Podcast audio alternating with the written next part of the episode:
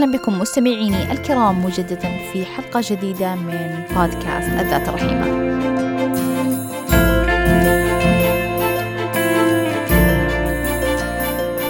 الذات الرحيمة برنامج نفسي ثقافي الهدف منه إيصال الفكرة العلمية الموثوقة بطريقة مشوقة وقريبة للنفوس.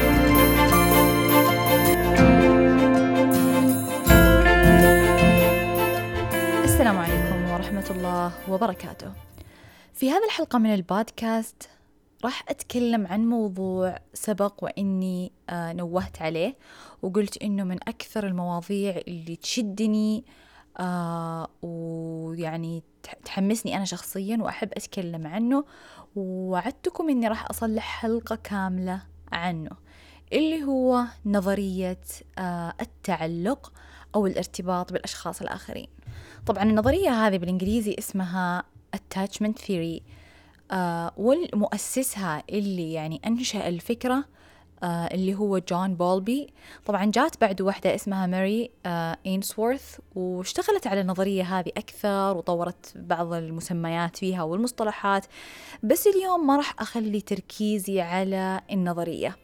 تركيزي اليوم راح يكون عن تطبيقاتها وكيف آه كيف إحنا قاعدين نرتبط بالآخرين؟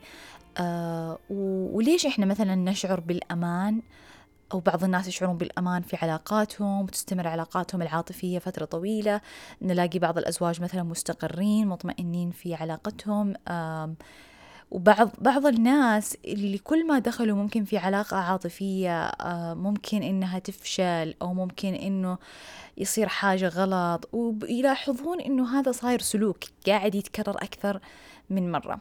فاللي عنده أسئلة تجاه كيف أنا قاعد أرتبط بالآخرين ومخاوفي لما أرتبط بالآخرين هذه الحلقة إن شاء الله راح تقدم الكثير من الأجوبة وإن شاء الله بنهايتها كل واحد يقدر آه يكون عنده يعني حتى لو خلفية بسيطة عن نوع الارتباط حقه وكيف هو قاعد يرتبط بالآخرين.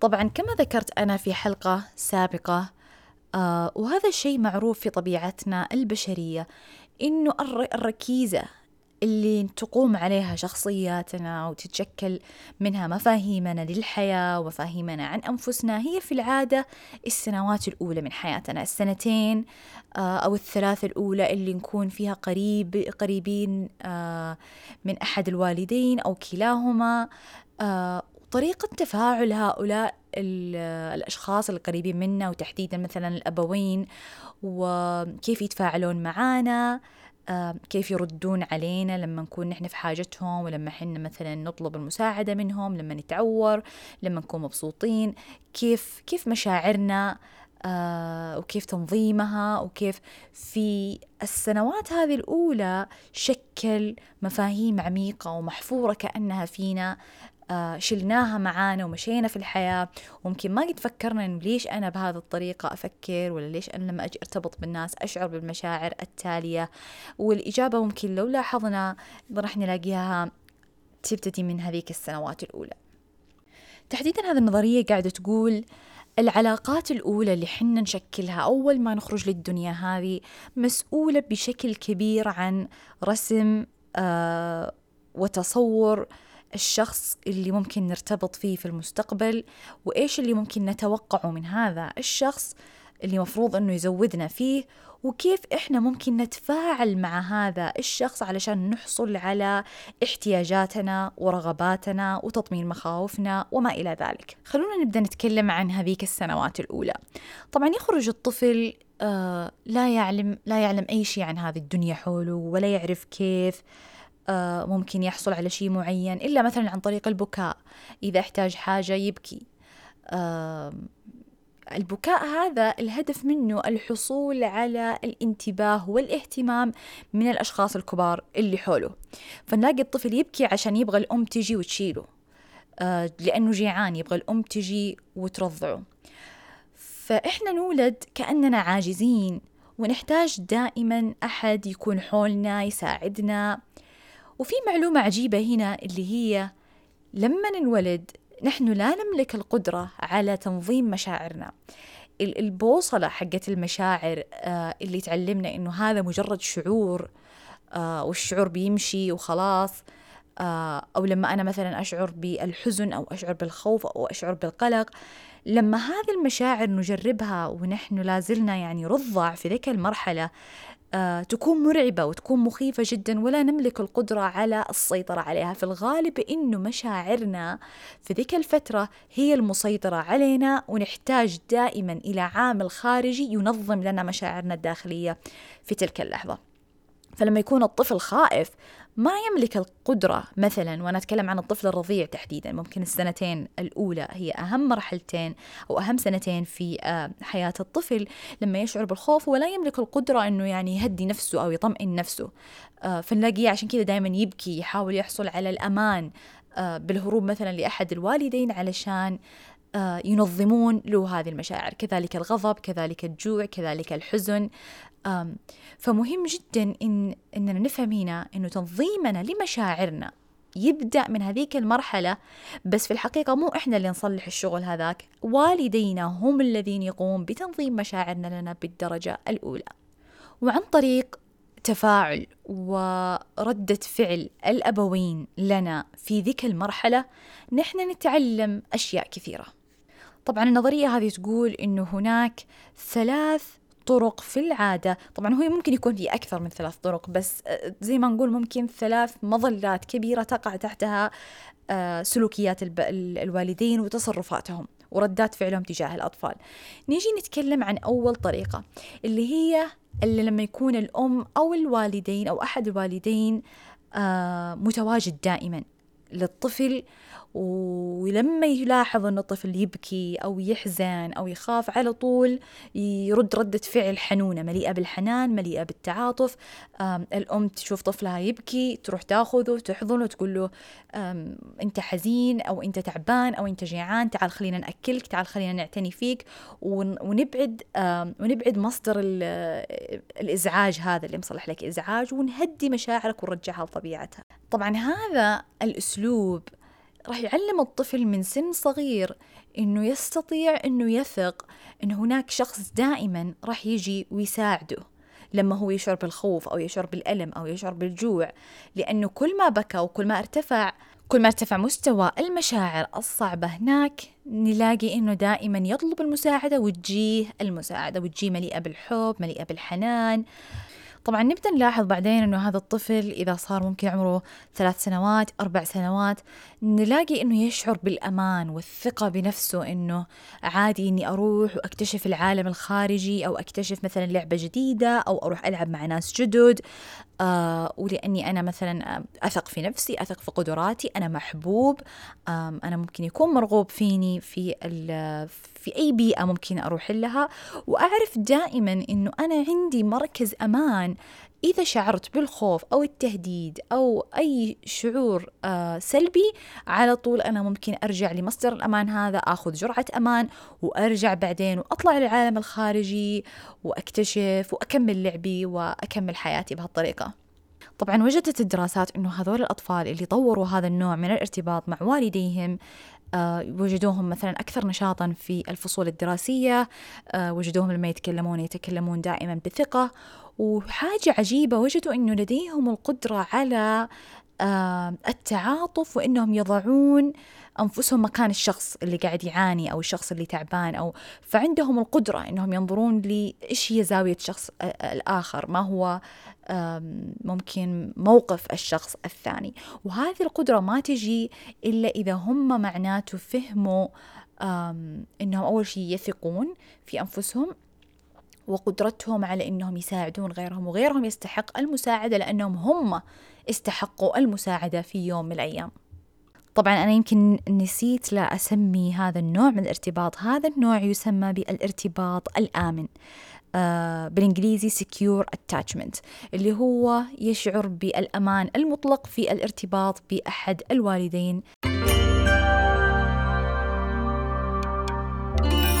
خلينا ننتقل الآن للنوع الثاني من الارتباط. النوع الثاني اللي هو اسمه الارتباط القلق. آه طبعا خلونا نتخيل أول شيء شكله. الطفل هذا مثلا محتاج حاجة قاعد يبكي لأنه ممكن جيعان لأنه حفاظته يبالها تغيير. فممكن خمسين في المية من الوقت الأم أو الأب يردون ردة فعل مثلا حنونة وعلى طول يروحون يغيرون للطفل هذا على طول يروحون يشيلونه مثلا آه يهزونه شوية يعلمون إنه يعني آه إنه هو أوكي ويهدونه ويرجعونه يلعب. وخمسين في المية من الوقت يتجاهلون ويقولون لا ما نبغى ندلعه. خلو خليه يبكي. مفروض أنت ما تبكي مثلا. حبيبي أنت بطل. آه أنت ولد. الأولاد مفروض ما يبكون. فنلاقي إنه في تجاهل لشعوره. هو الآن قاعد ممكن يشعر بألم أو يشعر بالخوف أو يشعر بقلق إنه مثلا أحد والديه ممكن حتى بيروح عنه ويبدأ يفتقد الطفل هذا. بس في نفس الوقت نلاقي إنه ردة فعل الوالدين غير منتظمة. فزي ما قلت خمسين في المية يكونون مثلا حنونين عطوفين دايم موجودين دائما آه يعني يدعمون هذا الطفل ويحاولون إنهم ينظمون له مشاعره وخمسين في المية نلاقيهم يعني خلاص اسكت بلاش بكاء أزعجتنا أنا مشغول أنا ماني فاضي آه أنا ماني فاضية. وما إلى ذلك. مهم هنا كمان أذكر نقطة إنه بعض الأحيان الأهل نفسهم يكونون مثلا مو شرط إنهم يتجاهلون الطفل عنية ولكن ممكن أحد الوالدين مصاب باضطراب نفسي أو ممكن يشعر ممكن أو مرت صدمة خلينا نقول مرت صدمة على أحد الوالدين نفسية في هذا المرحلة الحساسة من حياة الطفل. فالطفل هذا كل ما جاء مثلا يبغى قرب أو يبغى مساعدة في تنظيم هذا المشاعر السلبية ممكن وجد رفض وجد عدم دعم عدم تقبل.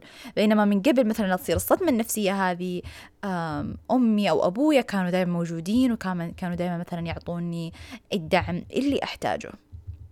طبعا هذا الطفل يتعلم إنه أهلي موجودين وأنا بلاقي الدعم بس أنا ما أعرف متى يجيني ومتى ما يجيني فنلاقي أن الطفل هذا دائما حذر وكأنه النظام حقه الداخلي آه شغال دايم في محاولة للبحث عن مصدر للخطر ممكن إنه والله في هذه اللحظة أمي بتنشغل عني بتروح على جوالها.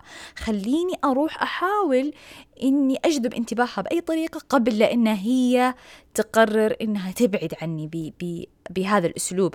أو ممكن والله أنا عارف إنه أبوي شكله معصب الآن وشكله طفشان وأنا خايف إنه يعني ما حد يعطيني وجه. فخليني مثلا أبكي الآن أو أطلب كأني أبغى حاجة أو كأني مثلا يعني أحيانا أطفالنا حتى يبكون بدون أي سبب ونحاول إن إحنا نقول إيش في إيش في ليش ليش تبكين أو ليش تبكي؟ وممكن السبب يكون إنه انتبهوا لي أنا هنا لا تنشغلون عني لأنه أنتوا إذا انشغلتوا عني أنا أخاف. لأنه قد حصل في مرات سابقة من قبل إنكم انشغلتوا عني. آه وتحملت أنا ألمي النفسي لحالي والألم النفسي لي أنا كرضيعة في السنة الأولى أو كطفل يعني في السنتين الأولى معناته ألم جسدي كمان. المشاعر لسه ما زي ما قلنا ما قد تنظمت ولا أستطيع ولا عندي أي جهاز أني أملك القدرة على تنظيم مشاعري فأحتاج دائما أحد ينظمها لي قبل لا تتحول لألم عاطفي كبير جدا. ممكن يأثر على نفسي وعلى كذلك جسدي. فنلاقي هذول الأطفال زي ما قلت أنا دائما آه، حذرين من أي موقف ممكن يسبب لهم آه، رفض ويشعرون أنهم مرفوضين فيه.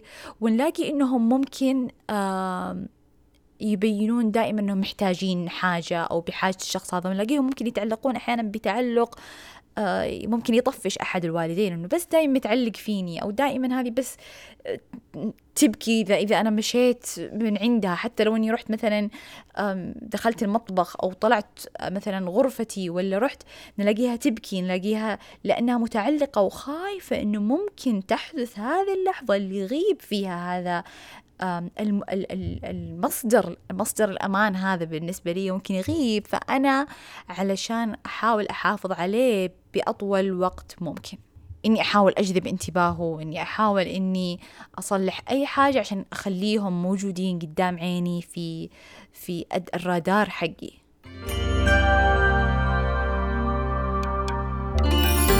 طبعا النوع الثالث من الارتباط هنا اللي هو ما يسمى بالارتباط التجنبي. طبعا المقصود هنا بالتجنبي إنه هذا الطفل يتجنب أصلا إنه آه يطلب المساعدة أو يتجنب إنه يجذب انتباه الأشخاص اللي حوله لأنه تعلم من خلال تجربته في هذه السنتين الأولى إنه مهما يصير ما في أحد موجود ولا في أحد بيعطيك وجه وممكن زيادة كمان إنك في الحقيقة تتعذب أو تنضرب أو تتهزى إذا أنت طلبت الدعم النفسي من أحد حولك. خلينا نذكر أمثلة هنا علشان نقرب الصورة. نلاقي ممكن هذا الطفل اللي نشأ في بيت يكثر فيه ممكن العنف. هو مثلا أحد الوالدين دائما يعصب ودائما يضرب فنلاقيه مثلا هذا الطفل إذا طيح حاجة أو إذا خاف لأنه سمع صوت غريب ونلاقيه يبكي. ممكن يجي أحد الوالدين ممكن يهزئه ممكن يخاصمه إنه ليش تبكي؟ هذا مو شيء يخوف لا تخاف من هذا الشيء. وفي نفس الوقت ممكن أحد الوالدين أو كلاهما يتجاهلون هذا الطفل لما يبكي لما يكون جيعان لما إما لأنهم مشغولين في حياتهم أو بسبب يعني يعني أزمة أو مرض أو أيا كان يعني ولكن لفترة طويلة جدا راح يتعامل راح يتعلم الطفل إنه ما في أحد راح يساعدني لما أنا أكون تعبان نفسيا لما أنا وأنا ما أقصد اللي أقصده بالتعب النفسي هنا ما أقصد مفهوم اللي هو الاكتئاب أو القلق أو لا إنه ممكن حاجة بسيطة حاجة بسيطة جدا مثلا طفشتني أو خوفتني هذه على طول ممكن في الطفل لأنه تذكروا ما عنده القدرة على تنظيم مشاعره في السنوات الأولى. ممكن تتحول مثل مثل البركان داخله. ممكن انفجارات كثيرة. آه، كأنها يعني تخيلوا أنتم عقل الطفل كأنه مثلا مليان بالانفجارات والأفكار الغريبة اللي هو مو قادر مسكين أو مسكين أنهم يهدون أنفسهم في هذه اللحظة. ففي مثال هذا الطفل آه هنا تحديدا نلاقي إنه ممكن يبكي لساعات ممكن آه يخلون أهله يبكي لين ينام آه يتجاهلون مطالبه. فاللي يصير زي ما قلت إنه يتعلم إنه ما ما في أحد حيساعدني. فبالتالي إيش تتوقعون النتيجة لما هو يعرف إنه ما في أحد بيساعدني حولي؟ راح يتعلم إنه يخدر هذه المشاعر. وإنه يحاول إنه يطفي خلينا نقول هذا ال system اللي في داخله system الخوف أو system المشاعر السلبية. كأنه زر يحاول إنه يطفيه ويهرب منه علشان لو خلاه يكمل راح يعني يؤثر آثار سلبية كبيرة على جسده وعلى عقله وعلى تفكيره كطفل. ممتاز. إذا هو الطفل بيتعلم إنه يتعامل مع مشاعره زي الناس وخلاص يطفيها ويمشي في الحياة خلاص هذا أفضل أفضل آه، أفضل حل. الإجابة للأسف لا. لأنه هذا الطفل لما تطفى مشاعره راح يتعلم إنه المشاعر كلها جميعها لأنه ما يقدر يفرق الآن في هذا العمر آه، إيجاب إيجابية الإيجابي فيها والسلبي فيها. أحتاج دائما أطفي لأنه مشاعري مي مهمة لأنه أنا مو مهم أنا ما في أحد يحبني آه، أنا ما في أحد يبغى يعتني فيني أنا ما في أحد يبغى يقرب مني. فبالتالي أنا ما راح أقرب من أحد أنا ما راح أقدر أطلب المساعدة ما لأنه ما في أي أحد راح يساعدني وأنا أصلا ما أستحق إنه أحد يساعدني. فنلاقي هذول الأطفال لما يكبرون كم سنة قدام آه نلاقي الخجل فيهم جدا واضح نلاقيهم آه يعني ممكن تصرفاتهم آه تظهر على طريقة ممكن آه عنيفة. آه نلاقيهم ممكن آه يقعون في مشاكل مضاربات كثيرة. آه ولما نجي نتكلم معاهم ممكن إنهم يعني ما يتفاعلون أو يعتذرون أو لأنهم تعلموا إنهم يطفون هذا السيستم زي ما قلت السلبي اللي في داخلهم ويتكلمون وكأنه المشاعر هذه ما هي مهمة ولا هي جزء مهم في حياتهم طبعا هذه هي آه، الثلاث طرق اللي يعني ممكن تقع تحتها كثير من سلوكياتنا. كوالدين وكمربين لأطفال حولنا ولكن هذا مو معناته إنها قاعدين نمارس طريقة آه، أكثر من الثانية أو نمارس طريقة واحدة وبس. آه، نحن في الأخير بشر ونتغير بتغير النفسيات وتتغير سلوكياتنا كذلك نتيجة للبيئة ونتيجة لعوامل كثيرة. آه، فممكن حتى نلاقي إنه في البيت الواحد ممكن إذا في مثلا عدة أطفال في البيت مو شرط أنهم كلهم يرتبطون في الأهل بنفس طريقة الارتباط لأنه ممكن مع الطفل الأول كان ارتباط الأم يفرق عن ارتباطها مع ممكن الطفل الثاني اللي جاء وهي ممكن مشغولة يعني بالطفل الأول ولا تعبانة من مشكلة ثانية. فهو يفرق كمان على الظروف المحيطة بالإنسان.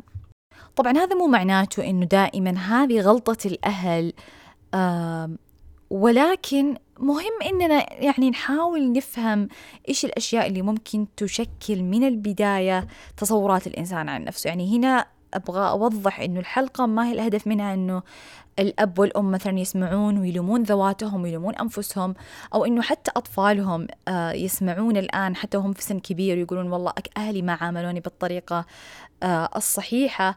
بينما هي محاولة أكثر لفهم آه لفهم الإنسان لنفسه علشان يقدر يعرف هو فين فين يقف الآن على هذا الخط آه في الارتباط بالآخرين وكيف ممكن هو يساعد آه نفسه إنه يطور طريقة ارتباط أخرى. خلونا الحين نتكلم عن تمظهر هذه الطرق في الارتباط لما نكبر ونبدأ إحنا نشكل علاقاتنا. يعني نبدأ ننفصل عن والدينا ونبدأ نشكل حياتنا ونشكل علاقاتنا الخاصة فينا.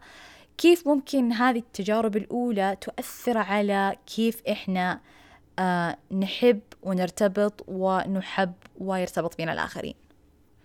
طبعا الارتباط الآمن لما يكون هذا الإنسان مرتبط بأحد والديه ارتباط آمن كطفل.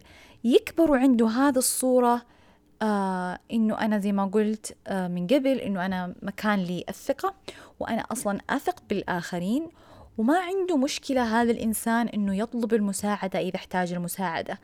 آه ما عنده مشكلة إنه يتقبل النقد لأنه النقد معناته جاني من شخص يحبني آه جاني من شخص يدعمني. ونلاقي ممكن هذول الأشخاص لأنهم يعرفون في قرارات أنفسهم أنهم يستحقون الحب والدعم. إذا مثلا افترقوا آه، أو فارقوا شخص عزيز غالي لفترة قصيرة مو مو شرط إنه فراق فراق. لكن إذا مثلا أحد الزوجين ذهب لمثلا إجازة بسيطة أو يعني لعدة أيام نلاقي هذا الشخص مرتبط آه، بأمان. نلاقيه ما يقلق ويقعد يفكر آه والله هذا الشخص ممكن ما عاد يحبني والله ممكن يلاقي أحد غيري نلاقي الغيرة جدا منخفضة لأنه هو يعرف أنه مو شرط أننا نكون دائما مع بعض علشان أنا أضمن أنه هذا الزوج أو الزوجة دائما يعني بيكونون لي وأنا بأحبهم وأرتبط معهم للأبد. لأنه يعني الحب الحب اللي هم داخلين فيه مع هذا الشخص الآخر نقدر نسميه حب مليء بالثقة والصدق والأمان. برضو هذول الناس في صداقاتهم وعلاقاتهم ما عندهم مشكلة إنهم ممكن يروحون يعرفون بأنفسهم عند أشخاص آخرين. آه ولأنهم ما عندهم خوف إنهم يرفضون أو إنه آه مشاعرهم ممكن تنجرح. آه يعني هم هي ممكن تكون موجودة كاحتمالية ولكنها ما هي احتمالية مؤرقة بالنسبة لهم تسبب لهم أنهم يعني يكونون وحيدين في حياتهم مثل ما بنشوف في النوعين الآخرين من الارتباط.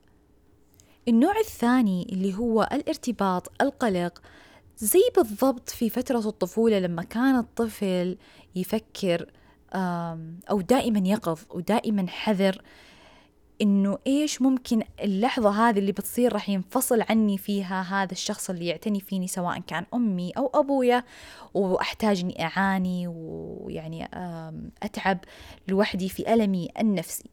فنلاقيهم هذول الناس دائما على يقظة وفي حذر شديد من الرفض أيا كان شكله وأيا كان تصوره. ممكن يتمظهر في خوفهم إنهم أصلا يبدأون علاقات جديدة مع أصدقاء آه، مثلا يشوفون ناس يحب يعني حبوهم وارتاحوا لهم بس من الصعب جدا إنهم هم يبدأون ويعرفون بأنفسهم لأنهم يخافون إنه هذا الشخص ممكن يرفضهم. إذا كانوا في علاقات ممكن يخافون دائما إذا غاب الشخص ما كلمهم لفترة طويلة أو ما أرسل لهم أو ممكن في العلاقات حتى الزوجية. نلاقي مثلا إذا تأخر أحد الأزواج أو إنه آه، إذا خرج أحد الزوجين مثلا يشتغل في آه، عمل والشخص الثاني داخل المنزل نلاقي دائما يفكر آه، هل بيجي أحد شخص ثاني وياخذ مني هذا الشخص هذا الزوج مثلا أو هذا الزوجة. فنلاقيهم دائما في حذر وفي خوف إنه يتم رفضهم ويتم تجاهلهم ويتم تجاهل مشاعرهم لأنه في خوف بداخلهم إنهم ممكن ما يستحقون أصلا هذا المحبة. آه، والخوف الثاني إنه هذه المحبة على إنها جميلة وأنا مستمتعة فيها لكن عندي خوف دائما إني أنا أفقدها. لأنه خلاص هم تحسسوا من من سن صغير لهذا الخوف. فكأنه أصلا شعور غير واعي ما, ما, ما هم واعين بهذا الشعور. طبعا اللي يصير إنه هذول الناس يغضبون. لما مثلا الشخص اللي, اللي قدامهم يحبونه أو يبدأ مثلا إنه يتجاهلهم ممكن حتى بطريقة غير تعمدية. آه أو إنه مثلا ما رد على رسالة معينة. أو إنه هذا الشخص ممكن كان يعاني. خلينا مثلا نجيب مثال في في بين زوج وزوجة مثلا. آه إنه هذه الزوجة ممكن شعرت بتعب نفسي أو إنها متضايقة لسبب مر آه مثلا مع أسرتها لمشكلة مع أسرتها شخصيا. فنلاقيها في البيت إنها يعني مشغولة ومبين عليها إنها مرهقة وتفكر في أهلها. آه فنلاحظ إنه ممكن الزوج اللي عنده هذا طريقة الارتباط القلق يفكر ليش تعاملني كذا؟ أكيد أنا صلحت حاجة غلط. أكيد في حاجة في بالها مي هي عاجبتها عني أنا بس مي هي عارفة كيف تقولها. شكل علاقتنا بتنتهي. أنا خاف إنه هذه العلاقة الحلوة إني أفقدها. فهذه نتيجة طبيعية. هو الآن تفكيره صح اللي ممكن يجي من برا ويقول هذه ليش يفكر بهالطريقة يعني؟ هي ظرفها كذا يعني ليش هو يحس بهذا الإحساس؟ في الغالب الإجابة إنه هو ما قرر إنه يحس بهذا الإحساس هذا الإحساس مزروع فيه وما يعرف هو ليش يقلق بهذه الطريقة. ونلاقيه كمان ممكن يغضب على زوجته هذه ويبدأ هو يقول والله اللي دام إنها قاعد تعاملني زي كذا خليني أنا أبادر قبل لا هي يعني تجرحني أو تأثر تأثر علي خلاص أنا بحاول أتجاهلها كمان. وأنا والله حتى يعني فنلاقي إنه مثلا يقرر إنه ما يكلمها يحاول يخرج من البيت علشان هي هو شافها. بهذا الأسلوب بينما الشخص مرتبط يعني ارتباط آمن في هذا في هذا الموقف ممكن يجي عندها ويقول لها أنا ملاحظ إنك أنت يعني مشغولة البال وكأنه في شيء مضايقك. هل أنا ضايقتك في شيء؟ هل أنا متعبك في شيء؟ أو ممكن حتى ما يفكر إنه شيء عنه هو إنه يروح بس يطمن عليها أنت طيبة لأنه ما جاء في باله إنه هذا الشيء تحديدا منه لأنه يعرف ومطمن إنه لو هي تعبانة منه حتجي وتقول له. وتخبره يعني باللي في بالها فمهم هنا إننا نشوف كيف إحنا قاعدين نفهم أنفسنا في العلاقات ونفهم الآخرين وتصرفاتهم وسلوكياتهم تحت هذه المظلة. آه، بصراحة هذه النظرية تشرح كثير من سلوكياتنا البشرية وتخلينا يعني نتعاطف مع أنفسنا لما نتصرف بتصرفات معينة ممكن إنها ما تعجبنا. خلونا ننتقل الحين للنوع الأخير اللي هو الارتباط التجنبي. طبعا هذا الشخص لما يكبر راح يكون يعني غالبا إنه يكون صعب عليه إنه يرتبط بأي أحد. نلاقي هذول الأشخاص يبينون إنهم ما عندهم مشاعر وممكن حتى نوصفهم بإنهم مثل الحجر. آه ممكن أحد يجي يقول له والله سعدت باللقاء معك وكان لقاء جميل وأنت إنسان رائع.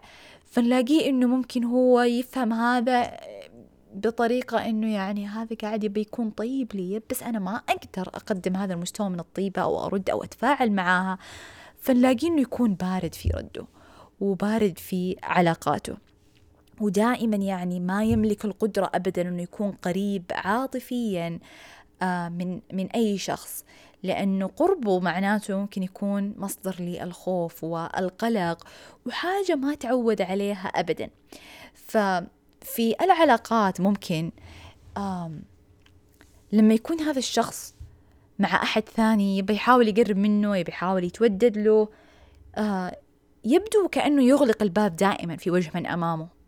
مهما حاولوا يكونوا طيبين يحاولون يطلعون منه مشاعر يحاولون لكن هذا كأنه دائما يغلق الباب لأنه هذا المشاعر بالنسبة له غير مريحة والقرب العاطفي والشعوري هذا حاجة من مريحة حاجة في الحقيقة مقلقة أكثر من إنها ممكن جميلة أو مصدر للأمان. ونلاقيهم ممكن هذول الناس يفكرون في أفكار دائما ليش هذا يبغى يقرب مني؟ أكيد يبغى مني حاجة معينة. أكيد هو مثلا يبغى يأذيني أو ممكن أبسط شيء إنه أكيد هو بيتحكم فيني لأنه لما أنا أصير قريب منه وأعطيه وجه أكيد يبغى يعني كأنه يملكني بطريقة أو بأخرى وأنا ما أحب هذا القرب وهذا القرب ما يريحني فنلاقيهم دائما يهربون ويقررون الهرب من العلاقات.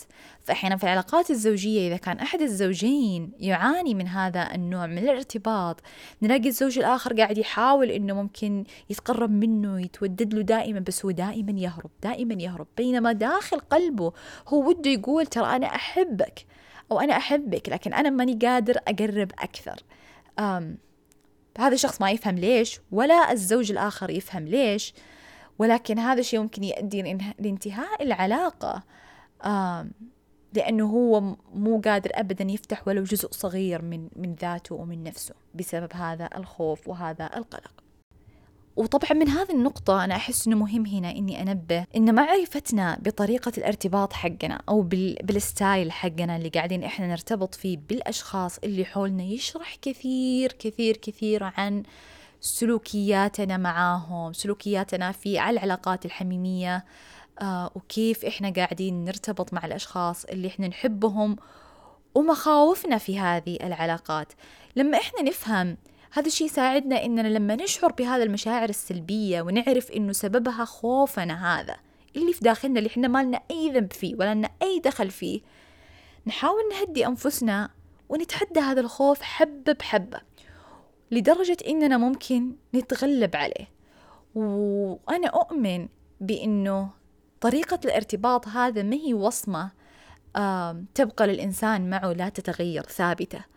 ولكن إذا الإنسان قرر إنه ما يعترف فيها وفهمها وحاول يعالجها حتبقى حتبقى. ليس لأنها وصمة وما تتغير بس لأنه مسكين مو عارف أو مسكينة مي عارفة كيف تتعامل معاها ولا تعرف هي ليش كذا. أو حتى في العلاقات ممكن الأشخاص أو الأصدقاء الآخرين ما يعرفون ليش هذا الشخص يتعامل بهذه الطريقة فيحاولون أنهم مثلا يتركونه أو يتجاهلونه أو ممكن حتى ينتهي به الأمر أنه مثلا ما عنده أي صداقات أو ما عندها أي علاقات جميلة لها معنى في الحياة بسبب هذا الخوف. فإحنا دائما نحاول نشوف كيف أنا من خلال وعيي ممكن أساعد هذه الذات المتألمة فيني والذات القلقة بإني أطمئنها وأعرف إنه هذا شعور طبيعي اللي أنا أمر فيه. كثير ملايين الناس حولي قاعدين يمرون فيه لأنها تجربة بشرية طبيعية هذه.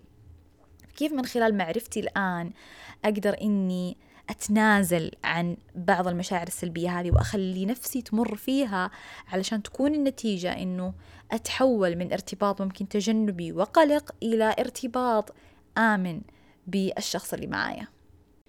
طبعا في كثير من الاختبارات اللي ممكن تساعدنا إننا نعرف إيش طريقة الارتباط اللي إحنا قاعدين نرتبط فيها أو عن طريقها بالآخرين.